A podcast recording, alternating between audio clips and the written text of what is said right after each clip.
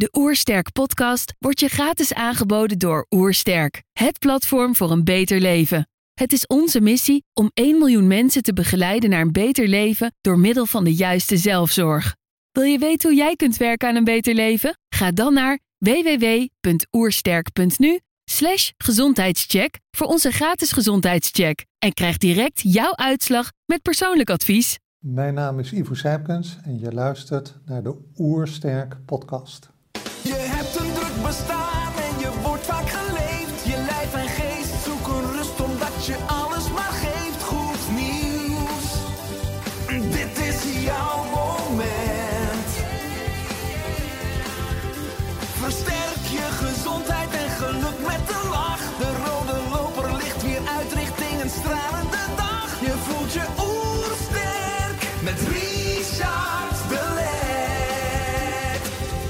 zijn hier in Heemskerk voor een podcast met Ivo Sijpkens.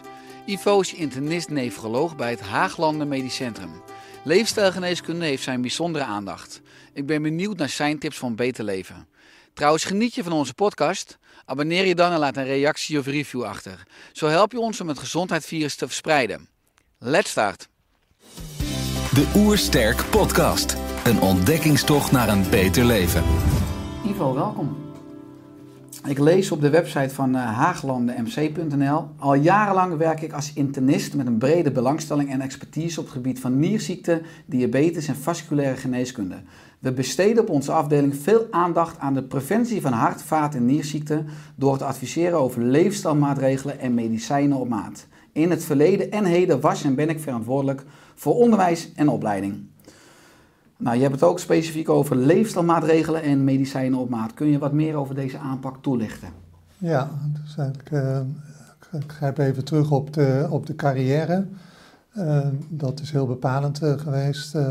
Ik ben begonnen in Leiden, heb tien jaar in het LUMC gewerkt. En begonnen aan als je de omgekeerde volgorde van een patiënt. Hè, gepromoveerd op chronische afstoting naar niertransplantatie. En toen ben ik eh, hoofd geweest van de dialyse, dus een fase daarvoor. En eh, daarna op de polykliniek eh, was mijn hoofdthema chronische nierschade. Veel mee bezig geweest, internationale richtlijnen vertaald naar het Nederlands. En ik ben in 2008 naar het eh, ziekenhuis gegaan, dus daar heb ik ook tien jaar gewerkt. En dan ben ik weer een stap eerder mee bezig gaan eh, houden met eh, hyper- eh, hypertensie. En dan komt uit, automatisch ook de diabetes erbij. En elke keer zie je kansen voor preventie, hè, dus om in een vroeger stadium maatregelen te nemen om de late complicaties en ook de, de kosten te voorkomen. Dus preventie was heel, heel erg centraal.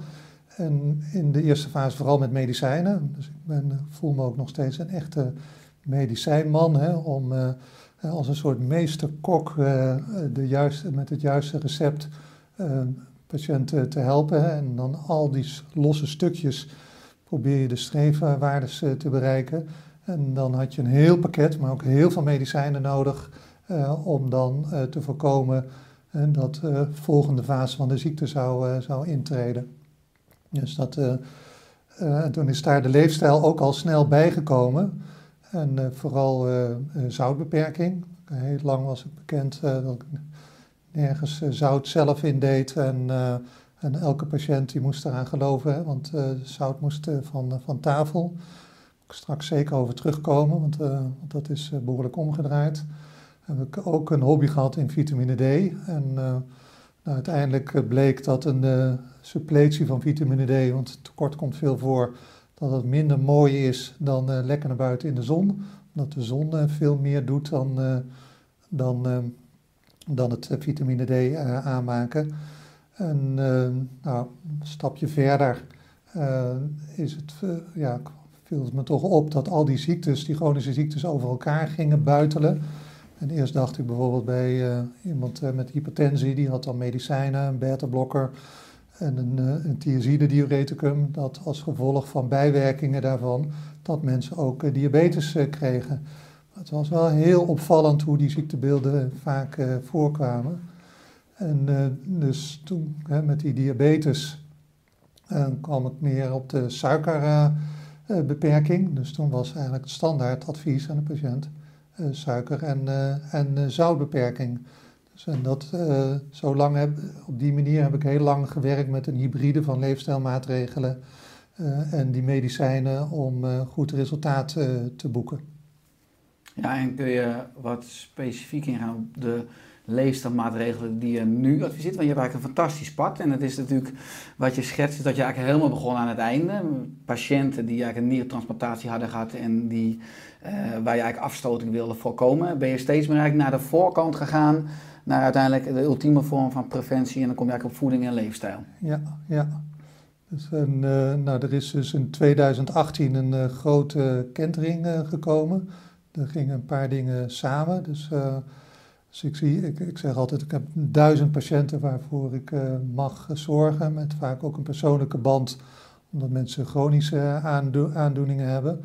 En van een van, patiënt, van de patiënten uh, ja, kreeg ik opvallende informatie dat, uh, ja, ik vraag dan hoe gaat het? En nou, een beetje teleurgesteld zegt mevrouw van nou, ik zie het ziet u het niet, hè? ik ben 10 kilo uh, afgevallen. Hè? Nou, heeft ze dat dan gedaan? Hè? Nou, toch meer aan dieet werken. Ik zeg, nou, een beetje schouderophalend, hè? dat gaat wel weer over. Hè? Want uh, flink afvallen, dat is voor veel mensen moeilijk. Hè? Je bent gewend aan een yo-yo-effect.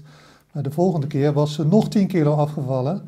En toen bleek ook haar nierziekte enorm verbeterd te zijn. Hè? De, veel eiwitverlies was verdwenen. En toen gaf ze mij dit boek, en dat is van uh, Jeff Folick en Steve Finney. En uh, heeft een prachtige titel, hè? The Art and Science of Low Carbohydrate Living. dus meer living, leefstijl dan het zoveelste dieet. En dat heb ik gelezen en dat was op, het meest opvallende was, en dan spreek over 2018, dat dit boek in 2011 geschreven is en zo alles op zijn kop zetten in uh, mijn uh, denken, dat ik denk van hoe is het nou mogelijk dat we in 2018, dat ik dit van een patiënt moet horen en dat ik dit niet via de reguliere congressen uh, te horen krijg. Nou, dat laatste was niet helemaal waar, want kort daarop was ik naar het congres van het Nederlands Vasculair Forum en daar um, waren verhalen over bariatrische chirurgie, hè, dat dat echt nodig was bij uh, overgewicht. Maagverkleiningen. Maagverkleining. Maar toen kwam daarnaast ook het verhaal van uh, Wim Tilburgs. Hè, die is als patiënt uh, uitgenodigd op een congres. hij werkt veel samen met, met Hanno Pel, professor uit Leiden. En hij vertelde een heel authentiek verhaal dat hij met dezezelfde benadering ook zodanig kon afvallen dat hij niet meer die bariatrie nodig had, die operatie. maar sterker, dat ook de diabetes, dat het helemaal uh, verbeterd was. En wij dachten, ik ook hoor, tot, tot die tijd van nou, dit zijn allemaal chronische progressieve ziektes. En er komen steeds meer complicaties bij. En je moet, uh, je moet ze met hand en tand en met veel medicatie, bijwerken, verdedigen om dat te voorkomen. En nu krijg je ineens een ander verhaal, dus dat met leefstijl de effecten uh, in feite beter en sterker zijn dan wat, je, eh, wat ik met medicatie kon bereiken. Dus dat was wel iets wat heel mooi eh, samenkwam, die twee verhalen. Heel belangrijk, allebei van patiënten, dus niet van uh, collega's. en dat was eigenlijk prachtig om, om te zien. Ja, want Wim Tilburg is voor veel mensen een grote inspirator. Is ook oprichter van de stichting Je Leefstijl als Medicijn. En uh, nou, die, eh, die is, is eigen leven, maar ook zijn eigen medicijn geweest met zijn leefstijl. En die heeft dus inderdaad een uh, maagverkleining kunnen omzeilen. Maar in ieder geval, die heeft zijn leefstijl radicaal aangepast. Ja, en ik zie dus als een soort keuze dat je dan een beetje onbewust en voor mij vanzelfsprekend, maar voor anderen minder vanzelfsprekend maakt, dat je dan naast die patiënt gaan, haal, gaan staan. Want die mensen vertellen zo'n authentiek verhaal en dan Ehm, ben je onder de indruk van de krachten daarvan. En uh, dat werkt, hè? het is niet het tijdelijke uh, helpt. En, nou, en wat essentieel is, dat geïnspireerd door die patiënten, dat je zelf ook aan de slag gaat. Want wat was het geval? Uh, ook alweer twee, drie jaar geleden had ik bij een test ja, bloedsuiker laten meten. En die bleek verhoogd te zijn. Dus een nuchtere bloedsuiker van 6,6. En ehm, nou, dus ik had formeel, hè, nog eens bevestigd ook, pre, prediabetes. En dat verbaasde me ook enorm. Dat hoe kan nou een, eh, want ik sportte altijd veel, vijf keer per week en ik at gezond, hè, volgens uh, de schijf van vijf. En toch krijg je die diabetes. En ik vroeg het nog aan een collega en die zegt, ja, hoe komt dat nou eigenlijk? Hè? nou, dan wordt toch het antwoord, hè, dus een beetje genetisch bepaald. En oh ja, je moeder heeft het ook, ja, bevestiging van een genetische aanleg. Nou, valt wel mee en je kan er oud mee worden. Maar de koppeling met leefstijl en voeding wordt op die manier niet gemaakt. En uh, geïnspireerd door deze patiënten ben ik op die manier dezezelfde principes van koolhydraatbeperking gaan, uh, gaan volgen. En dat doe ik nu meer dan ander, anderhalf jaar. En dat heeft ook mijn persoonlijke leven en mijn persoonlijke gezondheid enorm verbeterd. En omdat je dat meemaakt, ben je extra geïnspireerd om dat ja, verder te delen met je families, ik heb een zus uh, die toch 20 kilo is afgevallen. Na jarenlange worstelingen met de diëten. Hetzelfde verhaal van dit werkt en is ook goed vol te houden. de eigen omgeving, mensen die daar veel voordelen van, van merken. En dus je krijgt eigenlijk bevestiging van de power van, die daarin zit om voeding te gebruiken als medicijnen. Ja, mooi. Ik las laatst een artikel van je, want je schrijft er ook over. En in de samenvatting schrijf je: De afgelopen 50 jaar is consumptie van bewerkt voedsel met geraffineerde koolhydraten sterk toegenomen en is het gebruik van verzadigd vet afgenomen. Door een verstoorde balans tussen honger en verzadiging en het alom beschikbare voedselaanbod worden steeds meer tussendoortjes gebruikt. De moderne maatschappij rolt als het ware een rode loper uit naar de verstoring van dus bloedsuiker, insuline, zo naar insulineresistentie, insulineongevoeligheid, eh, dan naar obesitas en dan eigenlijk naar diabetes type 2. En nou, iedere dag komen er 150 nieuwe mensen bij met de diagnose diabetes type 2. Hè? Hoe, hoe kunnen we dit tij keren? Je hebt zelf het antwoord gevonden bijna bij uh, de mensen die, die bij je komen op je spreken en ook in je eigen leven. Dus, dus uh, beperken van de koolhydraten. Maar hoe krijgen we die boodschap mainstream? En waarom is het nog niet mainstream? Nou, ehm, dus ik vind het, de term grondoorzaak van chronische aandoeningen heel uh, belangrijk. En uh, vanuit mijn ja, onderwijsachtergrond uh, ben ik ook altijd heel erg geïnteresseerd geweest in de pathofysiologie. En als je al die chronische ziektes naast elkaar zet, hè, dus, dus en hypertensie en diabetes, maar ook overgewicht en aderverkalking, om, die, om daarmee te beginnen, dan zie je dat aan het begin van de rit altijd diezelfde factoren een uh, rol spelen.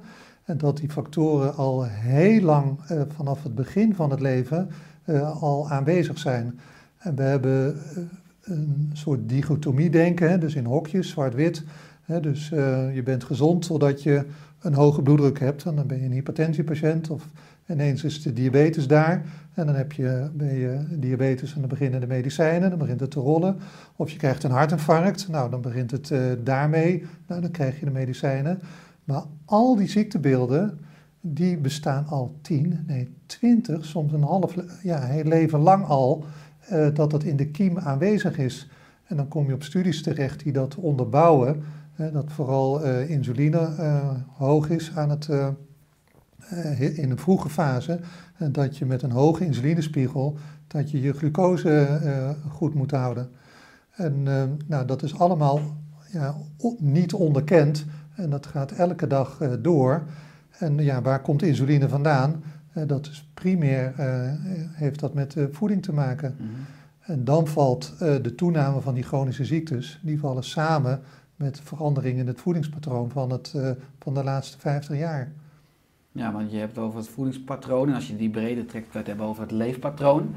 En nou, dat vind ik ook fascinerend hoe je zo ook in die publicatie afsluit. Is dat je zegt de behandeling bestaat primair uit gevarieerde voeding met natuurlijke vette eiwitten en slechts een beperkte hoeveelheid vezelrijke complexe koolhydraten.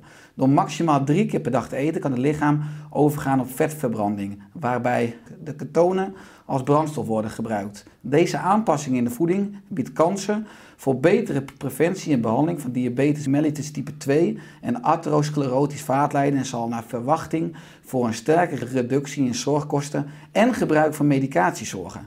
Nou, dat is bijna te mooi om waar te zijn. En dan, waar ik me ook natuurlijk heel vaak afvraag, waarom wordt deze aanpak niet geneeskunde breed uitgedragen Ja. en omarmd?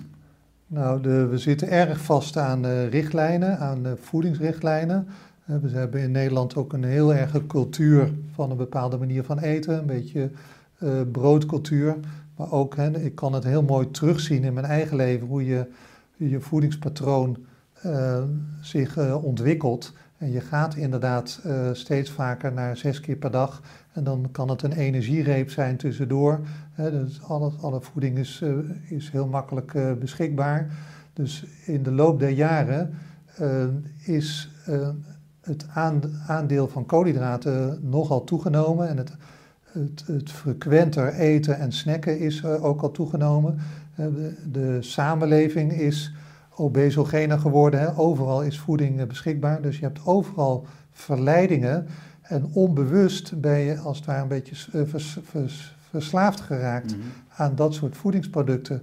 En we zijn ja, eigenlijk allemaal brave burgers en we volgen dus heel sterk die eh, voedingsrichtlijnen. Dus als ik vraag in de spreekkamer van nou, eh, wat eet u? Dan krijg ik, voordat ze eh, de vraag beantwoorden, van nee, dat is zeker gezond, ik eet gezond. Maar als je dan doorvraagt, hè, dan zie je dus die stapeling van koolhydraten ontstaan, maar ook bewerkte voedingen hè, met bewerkte oliën die inflammatie kunnen bevorderen. Ja, en dan snap je ineens hè, waarom die insulinespiegel omhoog gaat. En er is een enorme angst voor vet geweest. En dat is nog steeds, hè, want als je bij eh, de ingang eh, van, van een hartinfarct komt, ja dan, eh, ja, dan wordt dat gekoppeld aan hoog cholesterol. En dan krijg je als eerste advies om vooral de vetten nog te, te, te verminderen. Maar tegelijkertijd gaan die koolhydraten dan nog weer verder omhoog, waardoor je eigenlijk ja, metabol gepakt wordt. Mhm.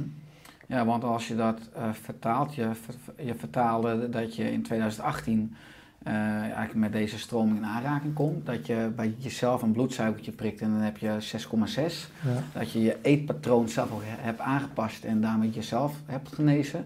Wat is praktisch, eh, wat heb je veranderd in je voedingspatroon? Ja. Dus wat heb je veranderd in je ontbijt, in je lunch, avondeten? Ja, dat is, dat is nou dat lijkt heel drastisch en is heel, eh, lijkt extreem, maar is eigenlijk heel goed eh, vol te houden en eh, te omarmen. Ja. Als je zelf zo'n verandering doormaakt en zelf ervaart dat je dat goed kan volhouden, dan vind je het grappig om te zien dat mensen die dat niet doen, die zeggen van ja, maar dat is niet vol te houden. En ja, wat is dan concreet de verandering geweest? Dus ik zei al, van eerst was het zoutbeperking, toen zout- en suikerbeperking. En in 2018 ben ik gewisseld naar suiker- en bewerkt zetmeelbeperking, hè, uit eh, kan- kant-en-klaar eh, producten. Mhm.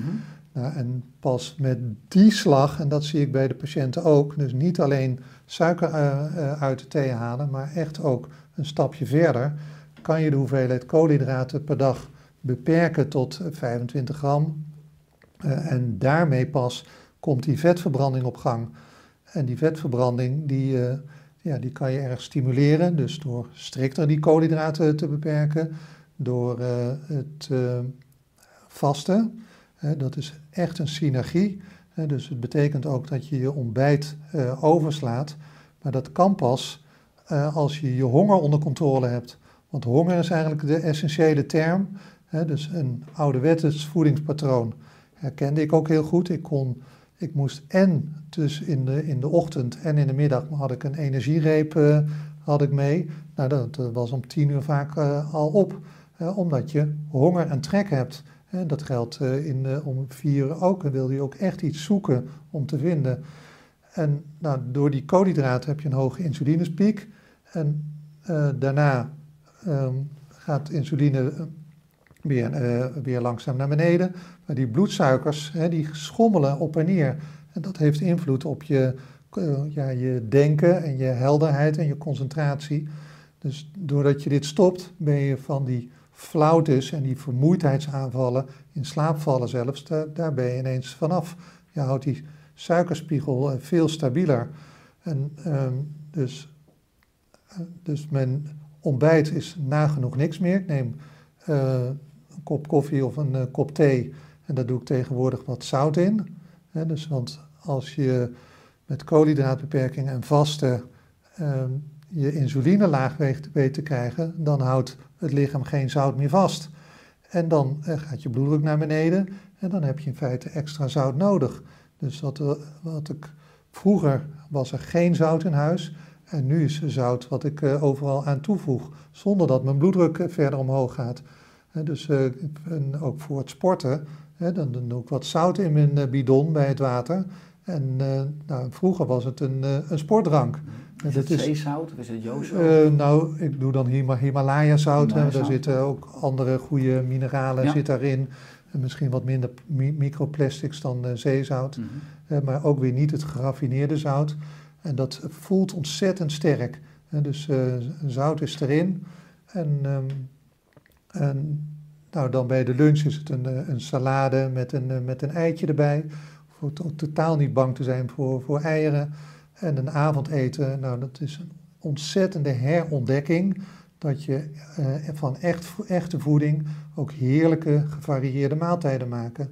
Eh, dus eh, vanavond een, een, salade, heerlijke kippenpoten en een toetje met wat yoghurt en wa- wat frambozen. Nou, dus dat is een standaard maaltijd. Gisteravond eh, lever weer eh, gegeten. Dus eh, dat is natuurs mooiste vitaminebron. Dus nou, als je dat één keer per week weer eet, dan voelt het ook heel goed qua micronutriënten. En zo bouw je steeds meer ervaring op. En ben je ja, met het samen koken aan het, aan het genieten van, van echt voedsel, wat ook heel gezond voelt.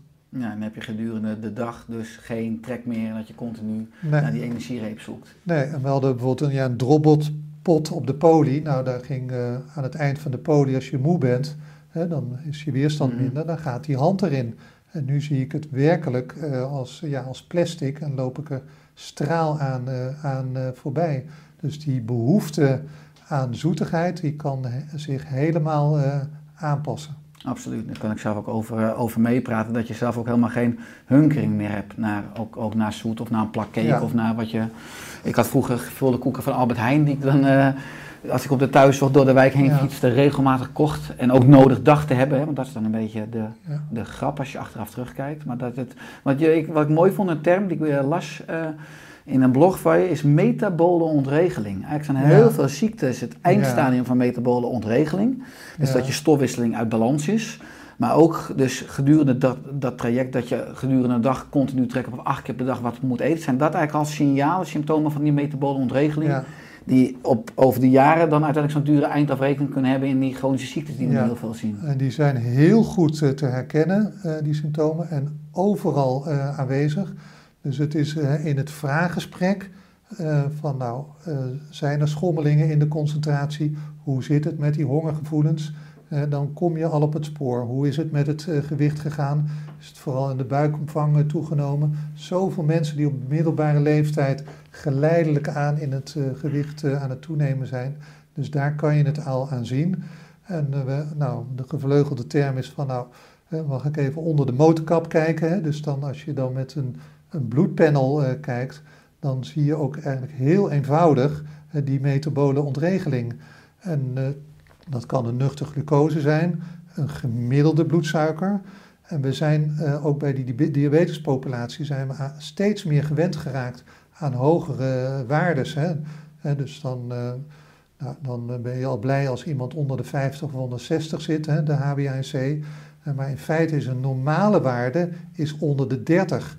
Hè, dus als je op 60 zit, dan zit er twee keer zoveel suiker in je lichaam eh, dan eh, wanneer je op een normaal eh, 30, 30 eh, zit. Dus, eh, en ja, de grote, het grote verschil is door rechtstreeks insuline te bepalen, kan ook C-peptide zijn.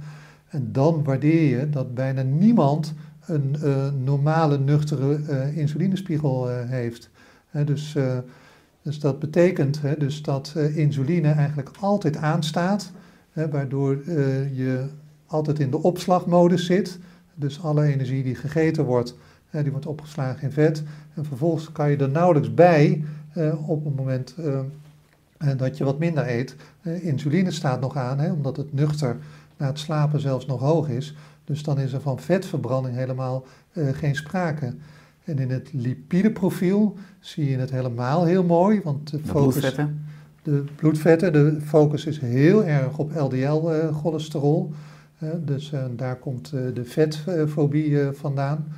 Eh, maar ik kijk eigenlijk met meer belangstelling naar het triglyceride en het HDL. Vooral die triglyceride-HDL-ratio is ook een hele mooie maat voor die metabole ontregeling. Dus als triglyceride hoog is, HDL laag, dan weet ik dat er ja, toch werk aan de winkel is. En dan kom je, hoe je het, of je het nou wil of niet, je komt dan op eh, leefstijl en voeding uit om dat te verbeteren, want er zijn geen medicijnen voor. Ja, die ratio wil je het liefst onder de 1,3 hebben. De ratio triglyceride HDL, hè, dus officieel zelfs liefst onder de 0,8.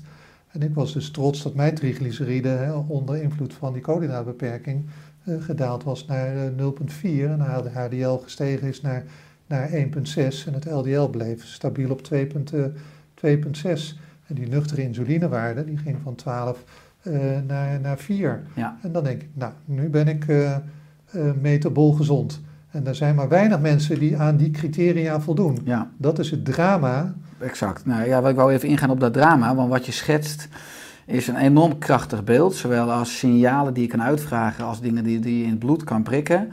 Nou, als mens zijn we, ja, noem het weerloos zoete kouwen. Hè. Onze instincten worden overal in de obesogene omgeving, hè, in de maatschappij vermarkt. Overal ruiken we bewerkte koolhydraten, zien we het, wordt het aangeboden. Als we tanken bij de Shell, dan krijgen we de aanbieding 2 is 1 voor anderhalve euro. Dus die bewerkte suikers zijn overal.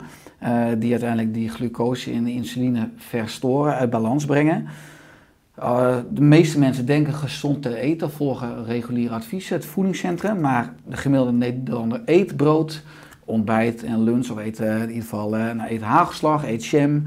Eet nou, in ieder geval andere dingen die je op je brood kunt smeren. drinkt een glas jus d'orange, drinkt frisdrank of vruchtensappen. Eet pasta, aardappelen. Nou, dan hebben we nog het sociale leven met verjaardagen. En alles is gekoppeld aan eten en veel ook bewerkte koolhydraten.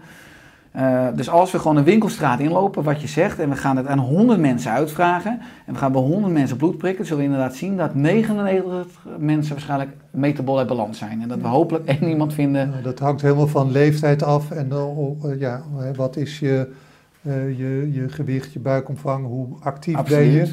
Dus, en heel geleidelijk, en dat is het verraderlijke, dat is echt zo'n sluipmoordenaar, Mhm. mm -hmm. dat ja, je begint gezond en uh, ja, je bouwt die schade heel, heel langzaam ja. op. En uh, ja, mijn advies zou zijn om juist op jonge leeftijd in de gezinnen, en dat is ook het mooie om hiermee te werken, want uh, voeding, ja, dat kan je niet met, als een apart exclusief dieet zien, hè, maar dit is eigenlijk heel simpel, gewone echte voeding.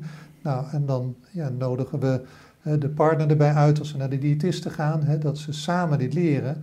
En dat straalt over naar de gezinnen, zodat kinderen uh, al niet op die hele jonge leeftijd uh, ja, verwend raken met die zoete smaak, om dat later in het leeftijd weer uh, af te leren. Het is een van de vroegste verslavingen die er in feite al, al optreden. En daarom is het ook zo moeilijk voor veel mensen om daar afstand van te maken. want het is, het is een heel lang leven lang speelt dat al. Ja. We hebben natuurlijk vanuit de evolutie ook een soort voorkeur voor zoet en zout. Ook omdat een uh, zoet natuurlijk een smaak is wat hoog energie betekent. Als we over natuurlijke voeding, ja. over bijvoorbeeld frambozen of wat je zegt praten. Je ziet dat zwangere vrouwen zoet eten, dat zelf het, de foetus in het vruchtwater al bij spreken daar met op reageert. Uh, maar ik ben een voorstander dus van low carb, high fat. Het ketogene dieet staat steeds meer in de belangstelling. Ja. Terecht. Uh, waarom is het volgens jou ook terecht dat het ketogene ja, dieet zoveel waarde heeft? We moeten ook even goed naar naamgeving werken, hè, want keto dat klinkt uh, heel mooi. Hè. En, nou, ik volg heel graag de internationale ontwikkelingen, want ik denk dat we in Nederland nog wat achterlopen. En je hebt internationale richtlijnen en er is een soort afspraak genomen van, nou, zeker bij de interventie, noem het therapeutische koolhydraatbeperking. En uh, dat meer als een leefstijl dan als een dieet. Het echte ketogene dieet, hè, waarbij je heel hoog in die ketonen uh, moet zitten. Dat is heel belangrijk voor uh, epilepsiepatiënten. Daar, daarmee is het al heel lang bekend. En er zijn maar weinig mensen, ik ook, die niet aan die criteria komen. Want dan gebruik je heel veel vet om veel vetten te verbranden, die ketonen zo hoog mogelijk te krijgen. Nou, als je dat gaat eh, meten, en je kan het heel goed meten, hè, die ketonen, eh, via een vingerprik eh, of via een, een blaaspijp. Hè. Ik heb een blaaspijp meegenomen. Dus hiermee meet je de aceton en de ademlucht als een soort check dat, dat je in die voedingsketose zit. En je bent verbaasd me eigenlijk over hoe goed het lichaam hieraan wendt. En dat je dit als het, ja, het lichaam dit ook als standaard ziet. Je moet je best doen om uit, uit die ketose uh, te geraken. En, uh, dus in feite is er dus koolhydratenbeperking. nou, en voor de een uh, is de eerste stap van heel veel hoge hoeveelheden koolhydraten uit heel veel bewerkt voedsel, heel veel keren per dag, om uh, daar een eerste stap te maken. maar er zijn ook een heleboel mensen die keurig voor de schijf van, volgens de schijf van vijf eten. Al die individuele producten dus eigenlijk niks mis mee, maar omdat het de hele dag doorgaat, wordt het te veel, wordt het lichaam intolerant voor koolhydraten en dan gaan die insulinespiegels uh, stijgen, dan gaat inflammatie opkomen en zo vormen zich die chronische uh, ziektes. En, uh, dus voor de meeste mensen is een, is een koolhydraatbeperking uh, ja, onder de 50 gram een basis. En als je dat combineert met dat vasten, dan ga je dus over in vetverbranding. Dan ben je formeel in voedingsketose, als je dat even voor, volhoudt.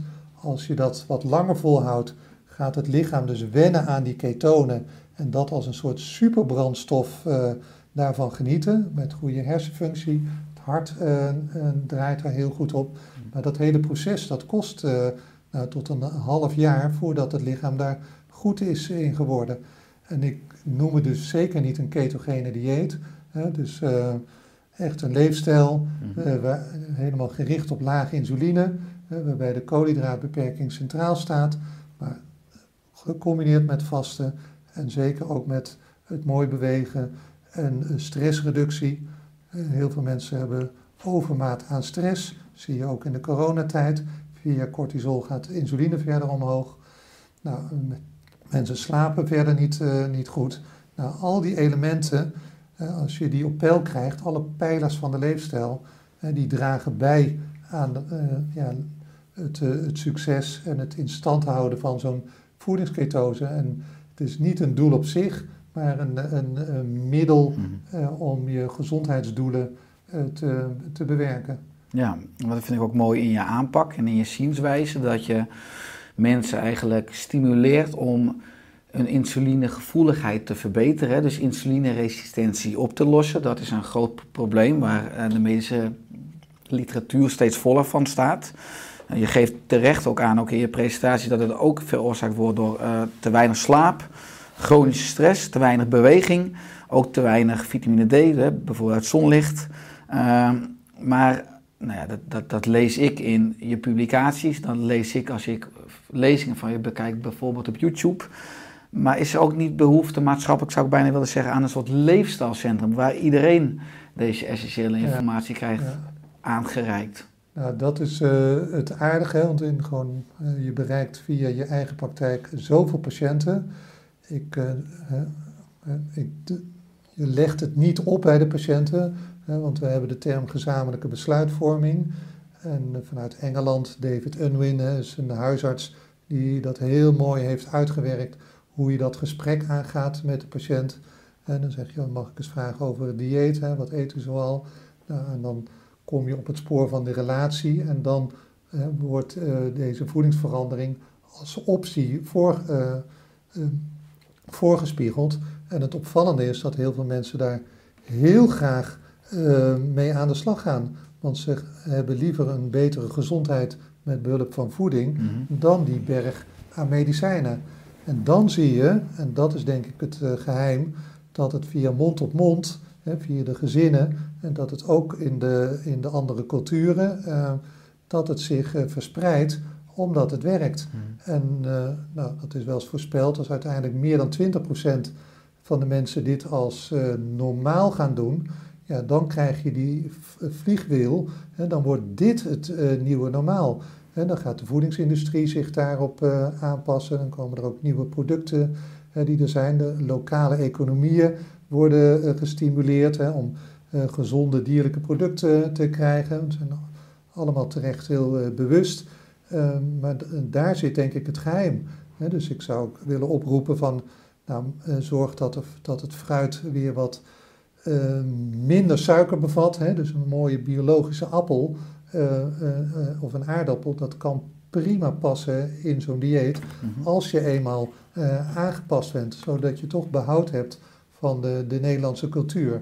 En zo zie je dat de hele samenleving ja, samen kan werken om die doelstelling te bereiken en iedereen aan de echte gezonde voeding te helpen. En helemaal echt noodzakelijk om die chronische ziekte en die zorgkosten eh, Ja. eh, in te dammen. Eh, want dat is nog even een persoonlijke ervaring. Hè. Ik heb heel, veel, ja, heel lang Bronvo ziekenhuis gewerkt. Hè. Dan heb je veel de oudere pop- populatie. Die krijgen op oudere leeftijd eh, die aandoeningen. Nou, dat koppel je aan de oude, ouderdom. Maar inmiddels werk ik ook in een binnenstadsziekenhuis. En daar zie ik eh, dat die me- diezelfde metabole ziektes op jongere leeftijd en in ernstiger mate postvatten. En dan is het eigenlijk een heel groot probleem. En, eh, en dan, ja, dan kan de, de zorg zich maar alleen maar bezighouden met symptoombestrijding.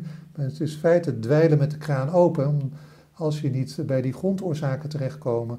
Nou, en, en zo moet stap voor stap met het bewustzijn van waar ligt nou de basis.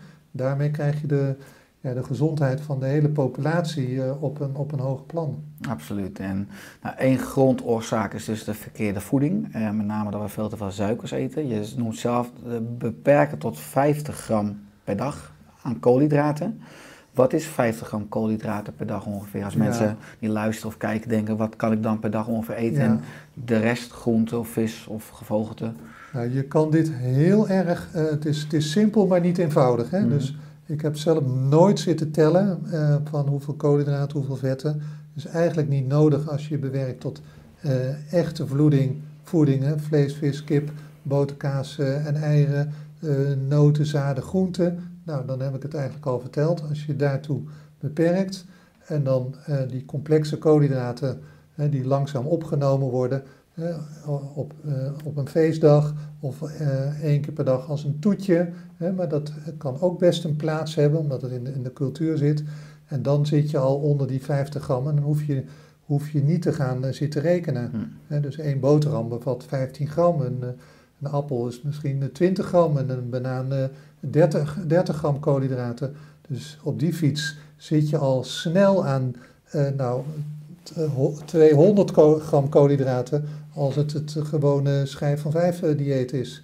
En dan moet het toch wel behoorlijk veranderen. Eh, Wat eten de gemiddelde Nederlander nu per dag aan koolhydraten? Nou, dan kom je dus op eh, die, die 150 tot 250 gram, eh, zo ingeschat. En, Ja. eh, dus dan is er. En de een die komt er dus mee weg als je jong bent, Hm. hè, maar mensen weten het niet dus van zichzelf.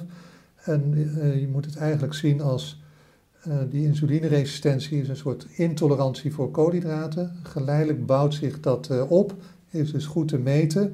En als je het eh, weet dus van jezelf via die metabole parameters, ja, dan is er een, reden om het bij te stellen.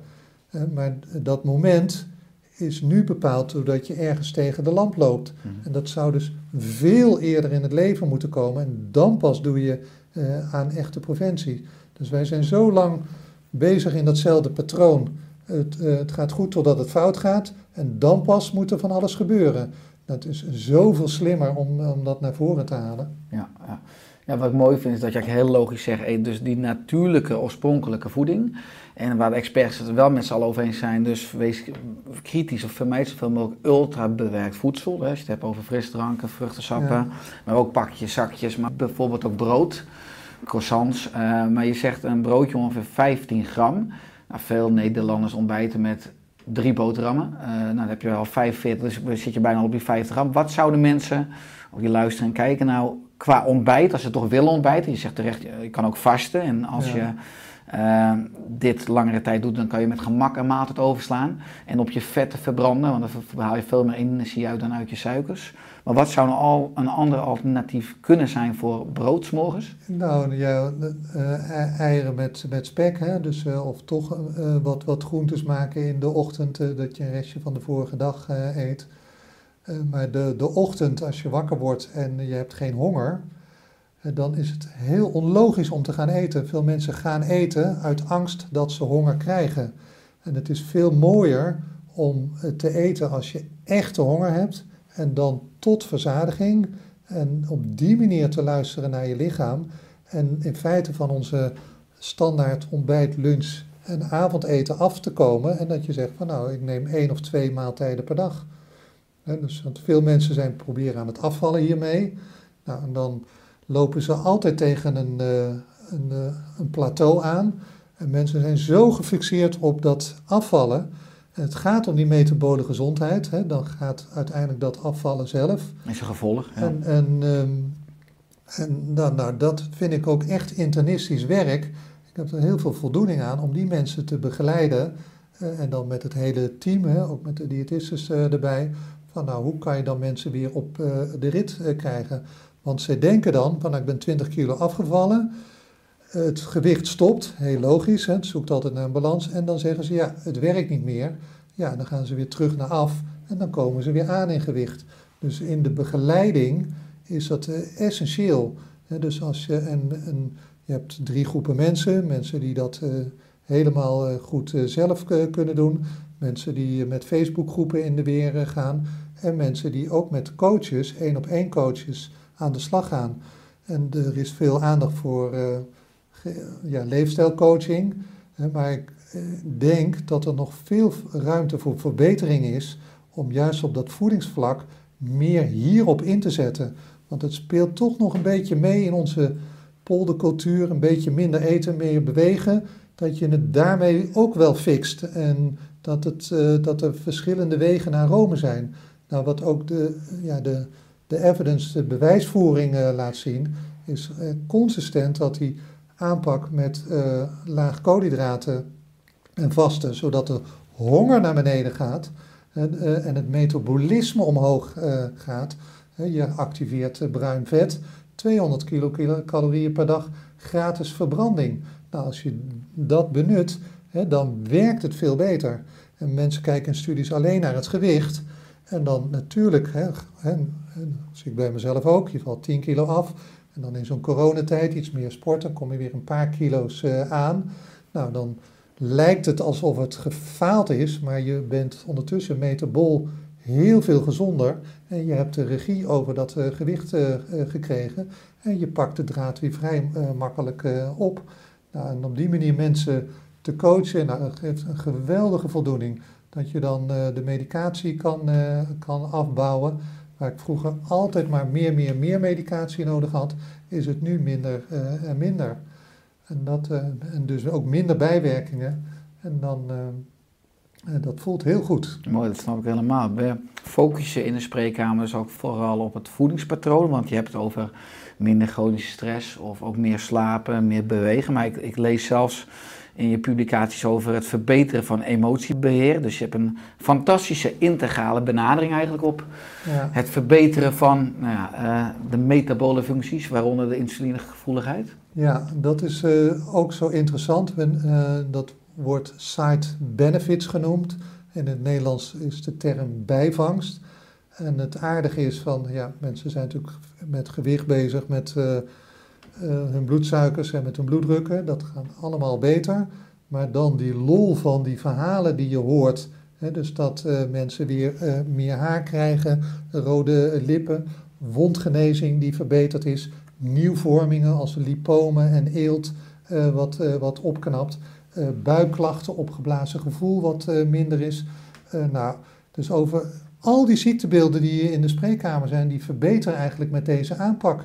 En je staat erbij en bent, bent uh, uh, verbaasd om te zien hoe sterk die relatie is tussen een voedingsverbetering en ook het verminderen van, uh, van, van klachten. Dus met jouw advies worden mensen hun eigen dokter? Nou, ze hebben, en dat is dus het verschil met medicatie, en zeker met dure medicatie, wat ja, met veiligheid dus er zijn dus mensen in Amerika die dit al jaren doen. Hè. Atkins is ermee begonnen, maar ja, dit werd ook al gedaan voordat de insuline werd ontdekt. En er is zoveel ervaring op. En ze hebben het helemaal getoetst, zo'n aanpak met een dieet, alsof het een medicijn is. En het is officieel goedgekeurd als, als veilig. En veel mensen zijn zo angstig en zo benauwd voor de lange termijn effecten. Maar het is heel onlogisch dat echte voeding met vasten, waarom zou dat nou ineens, op de lange termijn uh, slecht zijn? Hier zijn we mens mee geworden. Onze ontwikkeling hebben aan te danken. We gaan een beetje terug naar af. Dus dat geeft al iets weer uh, aan, de, aan de veiligheid. En de, dat, dan, dat wil niet zeggen dat er niet soms problemen zijn. Dus soms zijn de bloeddrukken te laag, hebben mensen toch zouttekorten. Uh, dus je, moet altijd individueel coachen en begeleiden. En die collectieve kennis, uh, dat zou ja, verbreed en verbeterd moeten worden om meer mensen te begeleiden. En uh, ja, uiteindelijk hoort dit ook in de, in de eerste lijn thuis en in de publieke, publieke gezondheid. Dat je dat op, op school uh, leert hoe dat moet. Ja. ja, maar dan hoor ik je met veel enthousiasme over vertellen. In je, in je lezingen heb je het over, uh, over positieve gezondheid. En dan de vier C's. Ja. Uh, kun je daar wat over toelichten? Ja, ja. Nou, de vier C's die komen van Robert Lustig.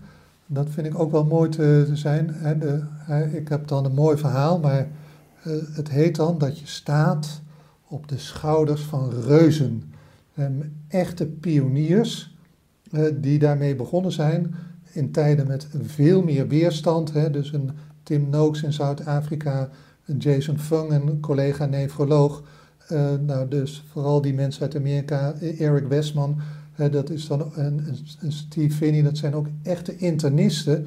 dat zijn echt mijn peers en die hier al jaren mee bezig zijn op over publiceren. Nou, en dan dan uh, daar, daar lees je de verhalen, daar leer je het uh, ook van. En uh, nou, dat zijn de, de, voorbeelden waar je veel aan, aan te danken hebt. Mm -hmm. en, en de vier C's? Oh, de vier C's ja. die komen dan van Robert Lustig. want nou, je, ik hoor je vaak vragen van nou, wat is nou gezondheid voor je? En ik neig er erg toe om dat metabol te definiëren dus die metabole gezondheid en die, uh, en zo gebruik ik de vier C's ook in de, in, de, in de spreekkamer. En het is dan wel in het Engels.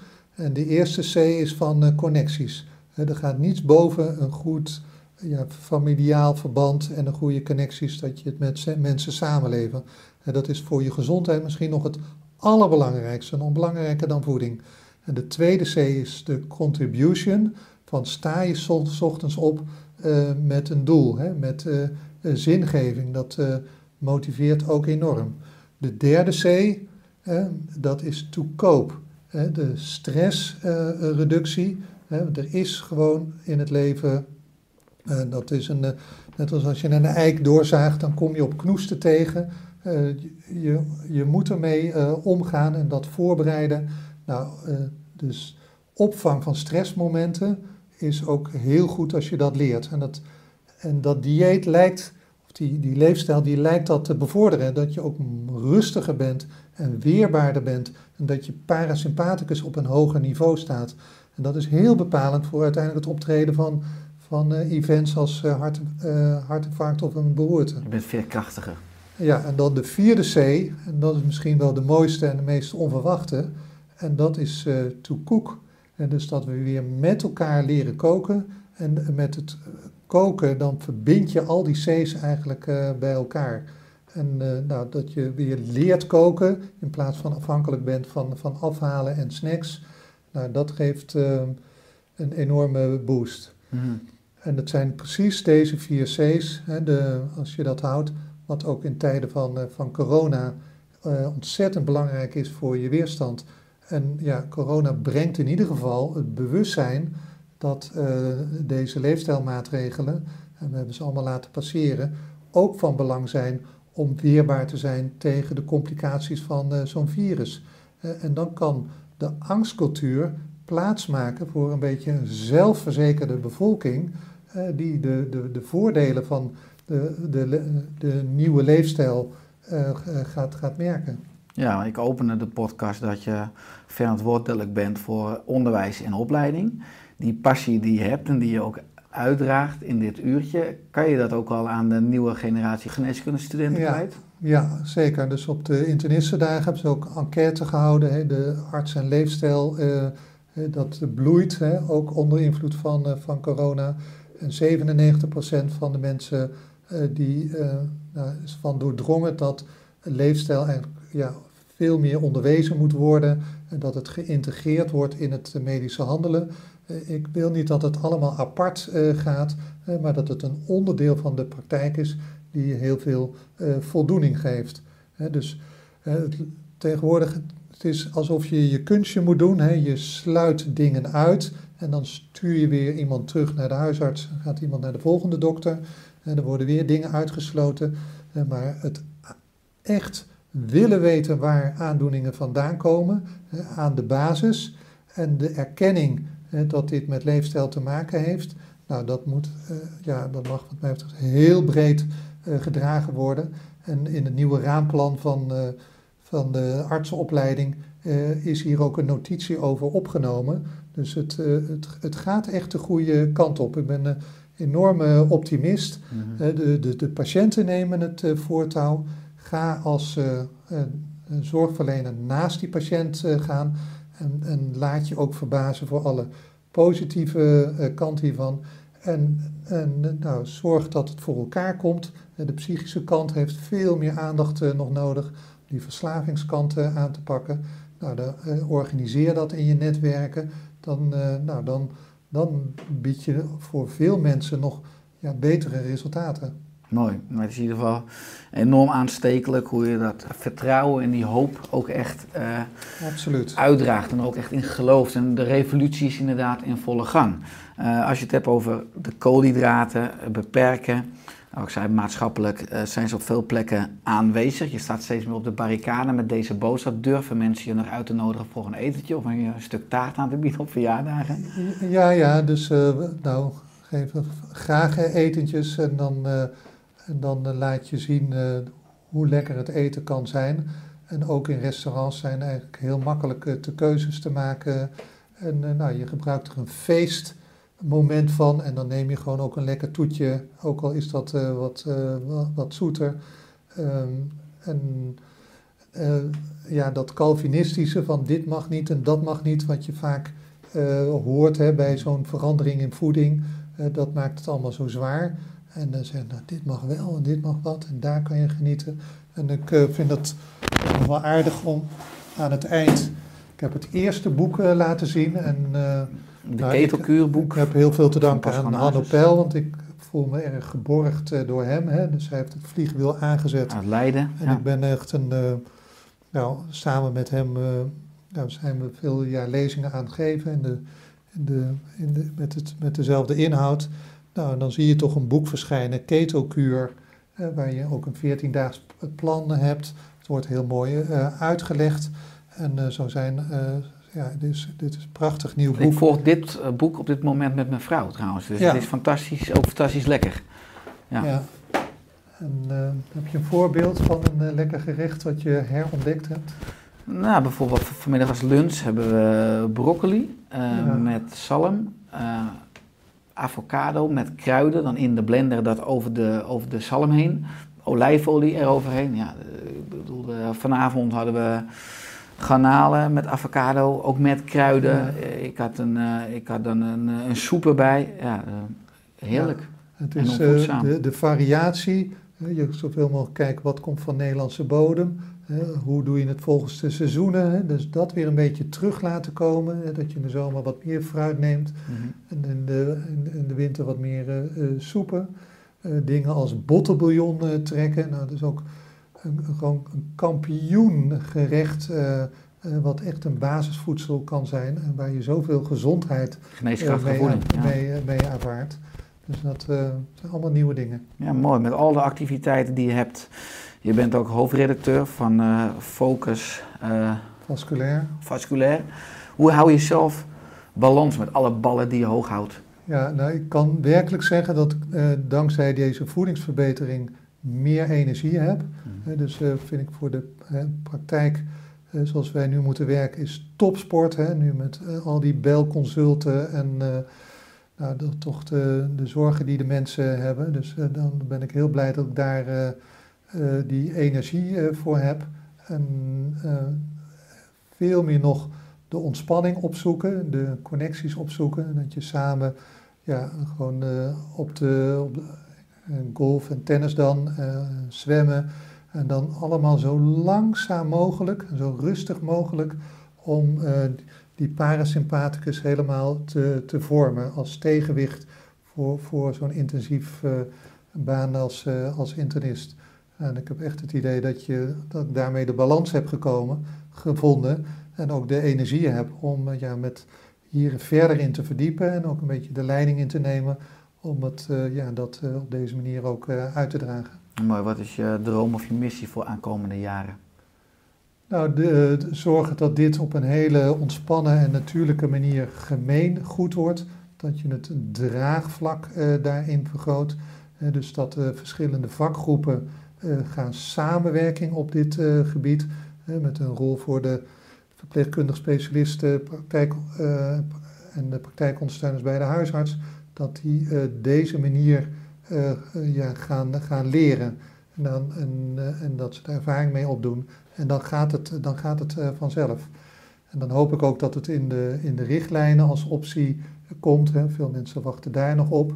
Ehm, en dan, eh, nou, dan, eh, dan, dan komt het goed. En eh, ja, ik denk dat als het werkt, dan, eh, ja, dan verbleekt het preventieakkoord daarbij. En dan, dit is de manier om, om die doelen ruimschoots te behalen. Dit is wat, wat, wat, wat, wat de maatschappij nodig heeft. Absoluut. Als minister Hugo de Jonge eh, je in de gaten hebt en die denkt, nou, en die belt je, Ivo, eh, ik heb een ministerpost voor je, eh, leefstijl en preventie. En hier heb je 50 miljard euro, want normaal zijn zorgkosten bijna 100 miljard euro per jaar. En je zou 50 miljard ter beschikking hebben om in het hele publieke domein uiteindelijk veranderingen door te voeren. Waar zou je dat geld aan uitgeven? Echt preventie en, en educatie, dat dit op scholen algemeen goed wordt. Eh, gewoon programma's op, eh, op televisie, publieke voorlichting. eh, en, en, en nou, COVID is in feite een, een aanleiding om meer op leefstijl in te zetten. Dat vind ik nog te voorzichtig. En nou, als er middelen zijn, dan zou je dat we toch ook wat meer aan, aan moeten durven. Ja, maar je, dus dat. Ik hoor je hele logische advies geven, maar je hebt dus niet echt hele radicale dingen die je dan ook zou doen. Bijvoorbeeld dat je zegt, ik zou bij de supermarkten, als je inderdaad dan je spullen op de lopende band zet, heb je al die bewerkte koolhydraten die naar je schreeuwen daar bij die, eh, bij die band van, in ieder geval van koop me. En die, die mensen dan ook veel al kopen, want je hebt trek, of in ieder geval je moet even wachten. Het zijn natuurlijk ook van die subtiele dingen. Laten we die dingen daar gewoon. Eigenlijk is de hele route door een supermarkt Ja. natuurlijk ook eigenlijk Ja. erop ge- op gebaseerd dat je zoveel mogelijk dingen in je winkelmand gooit. Ja. En, en die niet per se laag zijn in koolhydraten, laat ik het zo zeggen. Ja, ja, ja. Dat, eh, nou, dat is natuurlijk helemaal, helemaal waar. Maar mensen, die, als ze bewust zijn, nou, dan, dan vinden ze hun weg eh, in de supermarkt. En de supermarkten die zullen zich op gaan aanpassen, omdat die vraag van de patiënt eh, eh, verandert. Absoluut. Dus de revolutie komt van onderaf. Ja. Eh, is er aan het einde van de podcast nog iets wat je graag wilt toevoegen? Hmm, nou, dat, het, eh, dat, eh, dat er een zekere bias zit. Hè? Door de, de, een bias is dat je dus een voorkeur hebt. Het lijkt een beetje te mooi om waar te zijn. Dat komt door de eigen ervaring en de eigen ervaring met de patiënten.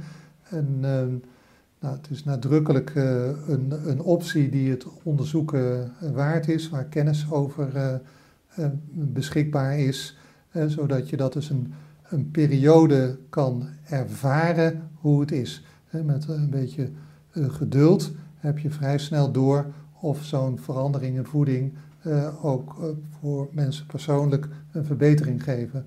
Dus ga die uitdaging aan. Dat is nog een aanmoediging. Absoluut, dus ga het zelf ervaren. Ja.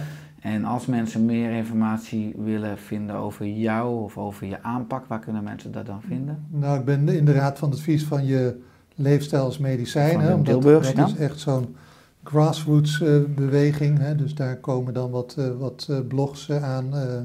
Maar dus dat is ook je leefstijl als medicijn.nl voor Ja, mensen heel praktisch, ja? ja, dus dat, en zo zijn er meerdere sites die ja, goede informatie al, al, al geven. En ja, de, via LinkedIn eh, eh, post ik af en toe wat, eh, wat wetenschap. Gewoon af en toe een nudge, een zetje in de goede richting. En er is een explosie nu aan onderzoekingen die gaande zijn over de hele geneeskunde. Het gaat, sommigen hebben het zelf, spreken zelfs over ketogeneeskunde. Zo'n grote rol heeft voeding in het hele domein van de, van de geneeskunde. En het volgen van het onderzoek, eh, eh, dat is eigenlijk heel spannend eh, de komende, komende jaren. Nou, eh, de, de juweeltjes, eh, die geef je dan door, dat doe ik dan via LinkedIn. Die geef je een podium, mooi. Dank voor je aanwezigheid in de Oerstek podcast. En dank voor je nieuwe afslag sinds 2018. En vooral dat je het met zoveel passie en enthousiasme en ook eigenlijk praktisch deelt en mensen eigenlijk stimuleert en motiveert en inspireert om eigenlijk meer kwaliteit van leven te ervaren door kleine dingetjes in hun levensstijl, waaronder het voedingspatroon aan te passen. Ja, Dus ga vooral door aan de komende jaren. en jij bedankt voor deze professionele gelegenheid om, eh, om het zo te vertellen. Met liefde. Alle goeds, Ivo.